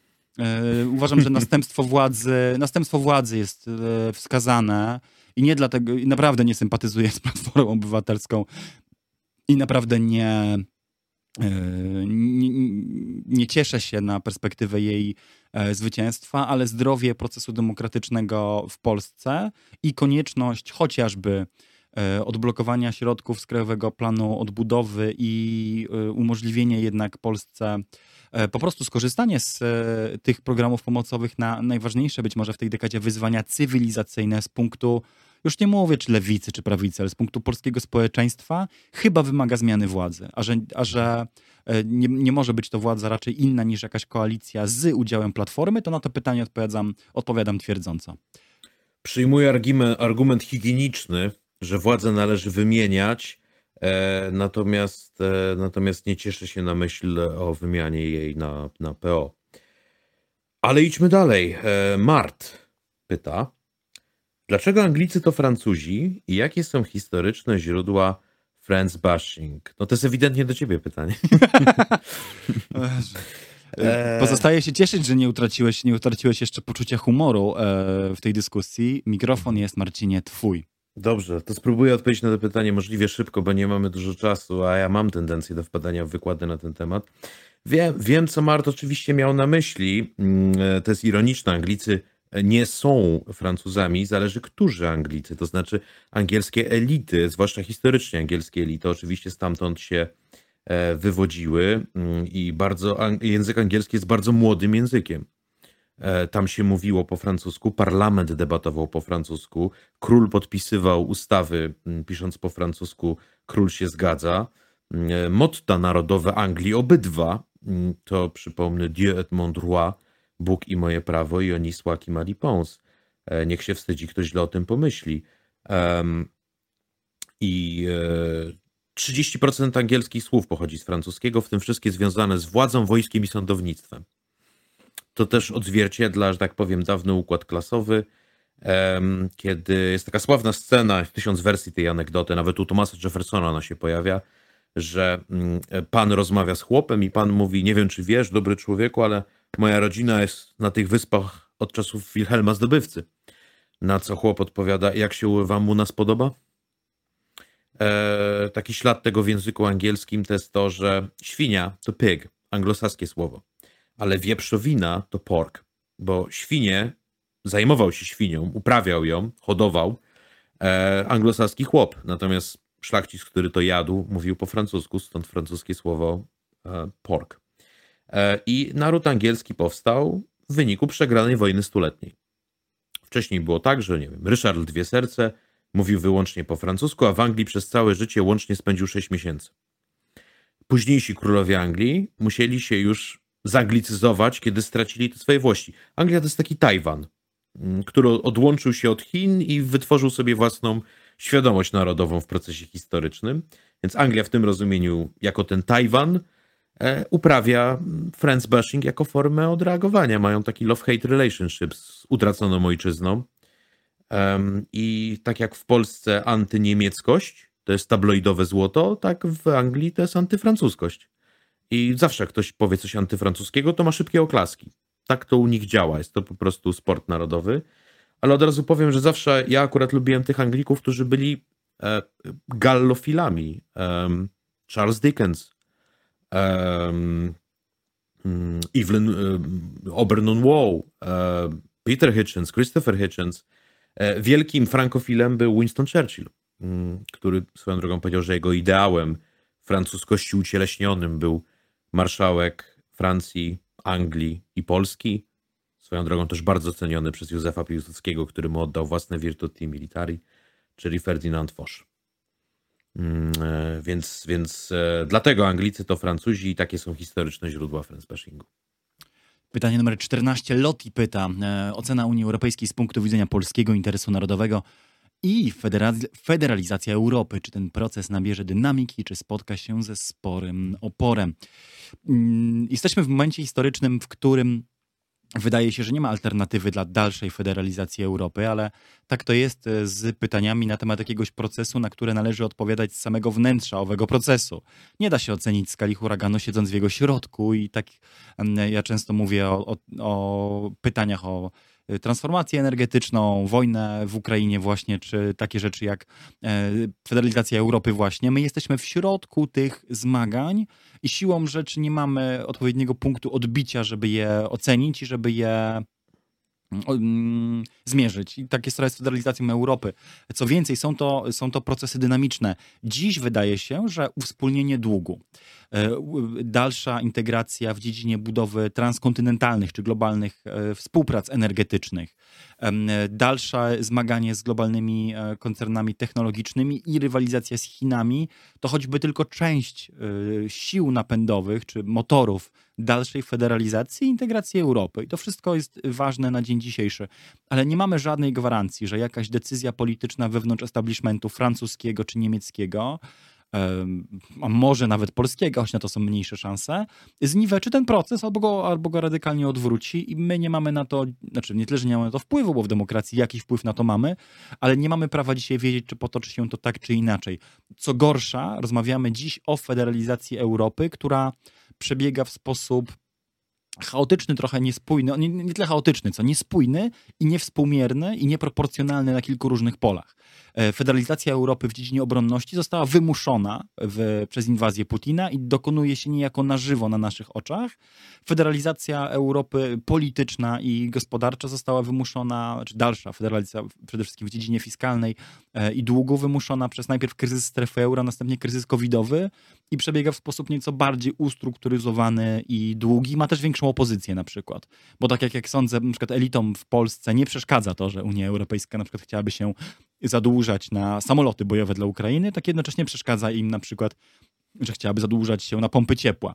E, w związku z tym moja odpowiedź jest taka niejednoznaczna. Dziś sądzę, że trochę nie ma przed tym ucieczki. Co więcej, e, na dłuższą metę nie ma też sensu się przed tym bronić, bo Europa tylko zjednoczona, zintegrowana i do jak, w jakimś stopniu sfederalizowana e, będzie globalnym graczem w rywalizacji, no nazwijmy to po imieniu mocarstw, tak? Chin, USA, E, osłabionej, ale na pewno e, posiadającej dalej mocarstwowe czy imperialistyczne ambicje e, Rosji. Europa podzielona na kilka kręgów integracji, na, na kilka sfer, na różne zwalczające się koterie, będzie Europą dużo mniej zdolną do zajęcia zdecydowanego stanowiska w tych, w tych walkach. Ale co dla mnie, z, mojej, z mojego punktu widzenia najważniejsze, to konieczność wspólnej odpowiedzi Europy na te najważniejsze wyzwania najbliższej dekady klimatyczne, energetyczne e, i gospodarcze. Jesteśmy trochę też, powiedzmy sobie to w tym podcaście można, jesteśmy trochę na cichej wojnie handlowej też z USA. O tym się w Polsce nie mówi, a tak jest. Nasza gospodarka jest podkopywana przez Stany Zjednoczone. Znów raczej Europa bardziej zintegrowana i zdolna do wzbudzania pewnego wspólnego potencjału w dziedzinie produkcji przemysłowej czy zbrojeniowej będzie tu graczem, a Europa taka Europa Narodów, o której kiedyś się marzyło polskiej prawicy, po prostu taka nie będzie. To moja możliwie najkrótsza i najuczciwsza odpowiedź. Mhm. E, ja się nie zgadzam z moim przedmówcą przynajmniej w jednej kwestii, a czy ja uważam, że konflikt ukraiński, jeśli coś pokazał, to, e, to nadal aktualność i siła państwa narodowego na każdym poziomie. E, Ukraina jest państwem narodowym, który walczy z projektem imperialnym i póki co walczy z powodzeniem, a na poziomie pomocy Ukrainie fundamentalnie sprawdziły się bądź zawiodły inne państwa narodowe jako państwa narodowe, e, a nie bloki, bo wewnątrz tych bloków zobaczyliśmy postawy absolutnie e, najróżniejsze. Mm, jeżeli chodzi o ocenę samego członkostwa w e, Unii, czyli to, o co Loti pyta, jest w polskim interesie przynależeć do Unii Europejskiej, chociażby z tego prostego powodu, że jeżeli mamy mm, sąsiadować z największym blokiem handlowym, jaki istnieje na tym globie, to lepiej jest być wewnątrz i współtworzyć jego zasady, niż być biernym odbiorcą tychże zasad mm, i lepiej partycypować w jego wspólnych politykach E, rolnej i każdej innej być ich beneficjentem, niż mieć wszędzie dookoła siebie beneficjentów i musieć z nimi konkurować. E, Brexit jest trudnym doświadczeniem dla Wielkiej Brytanii, jakże trudnym doświadczeniem byłby dla państwa znacznie, znacznie od niej e, uboższego i ekonomicznie słabszego. Czy proces federalizacji Europy nabierze dynamiki? Niektórzy też pytali, a może odwrotnie, czy Unia się rozpadnie. Według mnie pomiędzy, pomiędzy dynamizacją a rozpadem jest jeszcze stagnacja i obawiam się, że to jest najbardziej prawdopodobny scenariusz. To znaczy, w chwili obecnej Unii nie ożywia żadna idea. Nie mamy ani ojców założycieli e, nowych e, Europy, ani nie mamy myślicieli, ideologów, którzy próbowaliby jakąś duchową konstytucję stworzyć. Prawdziwa konstytucja to jest ta, która jest zapisana w sercach ludzi, bo papier wszystko przyjmie. Nie mamy wreszcie europejskiego demosu, po to, żeby była europejska demokracja i nie mamy żadnego pomysłu na to, skąd on miałby się wziąć. Erasmus był niezłą próbą, dobrze się bawiliśmy, natomiast e, e, jeszcze nie wywołał tego efektu, żebyśmy mówili o sobie w pierwszym rzędzie, że jesteśmy Europejczykami. Innymi słowy, Unia na razie zatrzymała się na poziomie bycia strefą, może nie tyle wolnego handlu, bycia strefą dobrobytu. Natomiast politycznie znaczy tyle, co znaczyło słowo Włochy w XIX wieku. Jest głównie pojęciem geograficznym. Tak ja to widzę. Ehm... Następne pytanie ja odczytuję. Tak. Davos to lewica czy prawica? Pyta Andy 1015. Cały odcinek, drodzy Państwo, o tym mamy numer 002, czy światem rządzi Davos, gdzie po trochu staramy się na to odpowiedzieć. E, ale odpowiedź na to pytanie brzmi: Davos to oczywiście globalistyczna, wynarodowiona, kosmopolityczna prawica przebrana w postępowe szatki na które moim zdaniem nabiera dużą część opinii publicznej. Żyjemy dziś w czasach, w których korporacja, e, która nie ma najmniejszej ochoty płacić podatków, e, odpowiadać przed jakimiś żadnymi krajowymi rządami, a co dopiero społeczeństwami, rzuci kilka kolorowych sloganów o poparciu dla mniejszości, kobiet, e, szacunku do środowiska naturalnego, sadzeniu drzew, czy i odpowiedzialnym inwestowaniu i tym kupuje sobie pewną przepustkę, wychodzisz wolno z więzienia. Davos już dawno uczyniło z podobnego języka swoją nie tylko mantrę, ale i właściwie całą mechanikę opisu świata. Otóż są to, jest to pomysł na sprzedanie nam korporacji jako ponadnarodowych bytów, które to troszczą się o nas, e, mówiąc do nas językiem, który my sami chcemy słyszeć. A dziś tak się składa, jest to język, takiej lewicowo-progresywnej troski o słabszych, troski o planetę, troski o kobiety, troski o mniejszości, mhm. troski o grupy wykluczone. Więc skoro korporacje, a mają przecież od tego doradców, słyszą, że tak, tak my, e, społeczeństwa, chcemy, by do nas się zwracano, tak się do nas e, zwracają, jednocześnie zaciskając nam drugą ręką bezdusznie pętlę swojej e, bezalternatywnej władzy na szyi. Według mnie autorytarny liberalizm, z którym zarówno lewica, jak i prawica powinny walczyć. Numer 16. Witka Cel. Co sądzicie o Adolfie Hitlerze? Surowy, ale sprawiedliwy? Pozdrowienia Nie, do mówiąc, e, mówiąc poważnie... Mm, nie no, weź się wycofaj. Mm, Primo, pri, Primo Levi powiedział, kiedy myślę o Hitlerze, nie myślę o niczym. E, ale powiedziałbym tak. E, jest, tak, jest taki nurt e, w, w dzisiejszej debacie w Polsce pewnego rodzaju trywializacji Hitlera i hitleryzmu i mówienia, że w sumie był to polityk jak każdy inny i, i grał i może trzeba było się z nim sprzymierzyć. Mm, robili to uczeni w świecie typu A.J.P. Taylor, pisał w takim duchu Paweł Wieczorkiewicz, powstawały książki typu Pakt Ribbentrop-Beck. Mm, ja stoję na stanowisku, na którym stał Wasili Grossman. Gdyby Niemcy wygrali II wojnę światową, to co pozostałoby zwycięskim na placu bitwy, byłoby czymś innym niż człowiek. Stawka tej wojny wykraczała poza politykę. Hitler otworzył otchłań razem ze swoim narodem i tą otchłań należało zamknąć za wszelką cenę. Więc e, moja opinia o Adolfie Hitlerze jest taka, jak właśnie próbowałem wytłumaczyć. Ja mieszkam w miejscu, gdzie niegdyś było getto warszawskie i mijam e, pomnik powstańców e, niemal codziennie w moich codziennych spacerach, więc też trudno byłoby się, nie tylko oczywiście mnie, ale także setkom tysięcy czy milionom innych mieszkańców naszego regionu Europy od tych wspomnień e, historycznych skojarzeń i historycznej brutalnej ciągłości uwolnić. E, I też podobnie jak Marcina e, razi mnie niuansowanie wokół hitleryzmu, jego wybielanie tylnymi drzwiami i no właśnie relatywizacja. Ja sądzę, że nie chce mi się trochę w tę debatę dzisiaj wchodzić, ale też sądzę, że po części liberalni historycy są za to odpowiedzialni, którzy E, postanowili mm, budować symetrię też za wszelką cenę między, między dwoma okupacjami, którzy, którzy też na y, nieprzejednanym, bezsensownym i pozbawionym wszelkich niuansów antykomunizmie zbudowali swoją tożsamość do poziomu, e, w którym trywializować można było już i upolityczniać nawet Auschwitz. I myślę też, że nasza pamięć historyczna, właśnie przez to, że za czasów Polski Ludowej była ona w sposób jednoznacznie propagandowy, antyhitlerowska i antyniemiecka, e, dziś wygląda tak, jak wygląda, bo uznaliśmy, że skoro e, powszechny i społeczny bunt, gniew i pamięć o zbrodniach faszyzmu i hitleryzmu była trzonem pamięci kulturowej i pamięci historycznej PRL-u, to nasza musi być odmienna. A akurat z wielu rzeczy, które, które z PRL-u można było zachować, czy, czy zachować pewną ciągłość przynajmniej, to akurat pamięć o zbrodniach hitlerowskich na, na ziemiach Polski. I to jest coś, co się e, nie dzieje. To tyle w segmencie, e, tyle w segmencie o pamięci historycznej i, hitleryzmie dla mnie. Mhm. E, myślę, że zdążymy jeszcze ze dwa pytania pewnie podjąć, tak na poważniej, a mamy ich na liście więcej. To może każdy z nas wybierze po jednym.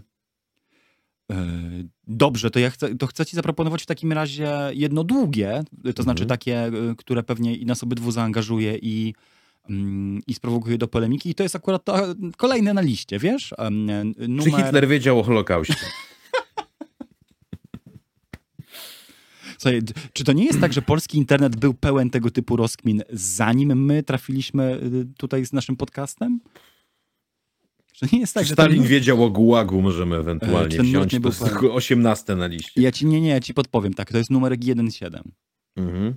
Nie, to jest bardzo, bardzo ładne pytanie, które zadał Nobody 2, czyli polska lewica, strategia, rozszerzanie bazy wyborczej o lib left i pójście szerokim frontem, czy nastawienie na długi marsz i nawracanie wyborców na socdem? Co podpowiadamy polskiej lewicy? E, ja mogę zacząć i powiedzieć w ten sposób. E, to jest pytanie o taktykę wyborczą, więc naruszamy jedną z naszych zasad, to znaczy, że nie podpowiadamy politykom, ale załóżmy, że mówimy naruszasz. teraz o jakiejś na razie, abstrakcyjnej. Na razie, na razie ty naruszasz. E, załóżmy, że mówimy o jakiejś abstrakcyjnej lewicy, czy o lewicę nie jako formacji politycznej, czyli w naszym przypadku formacji, że tak powiem, trójdzielnej, w której Y, podlewicowość jakkolwiek podpada tylko razem, no bo tak to są postkomuniści e, i, i liberałowie od Biedronia. E, ale kiedy mówimy o lewicy jako o pewnego rodzaju zbiorze idei i o, i o ludziach, którzy tą ideę wyznają i co oni powinni robić, no to moja odpowiedź jest taka. To by trzeba było zobaczyć, gdzie jest elektorat.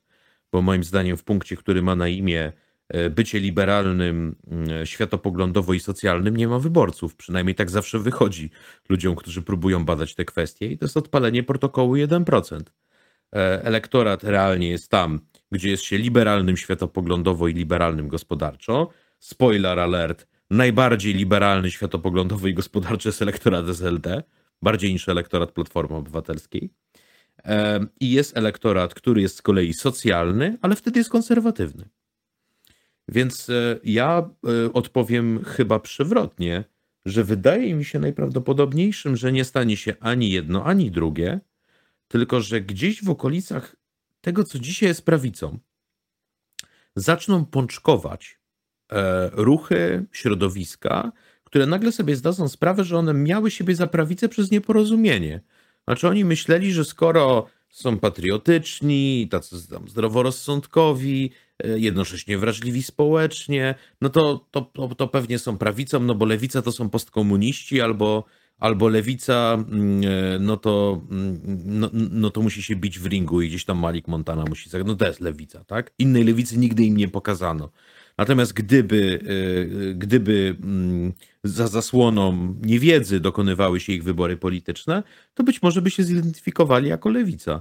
Więc wydaje mi się, że ludzie, którzy byliby e, wrażliwi społecznie, lewicewi ekonomicznie, a jednocześnie którzy E, którzy chcieliby robić lewicę patriotyczną, a to mi się wydaje nieodzowne, dlatego napisałem kiedyś tekst, który nadal wam polecam. Lewica będzie patriotyczna albo nie będzie jej wcale. Każda lewica w Polsce zawsze jest odpytywana ze swojego stosunku do sprawy polskiej i nigdy inaczej jak przez bramę narodową do wielkiej polityki nie wjechała. Czy to dotyczyło Jakobinów polskich w XVIII wieku, czy to dotyczyło PPS-u, e, czy to nawet dotyczyło postkomunistycznej lewicy. Trzeba, musiała ona poprzeć NATO, Unię Europejską i odciąć się od Rosji.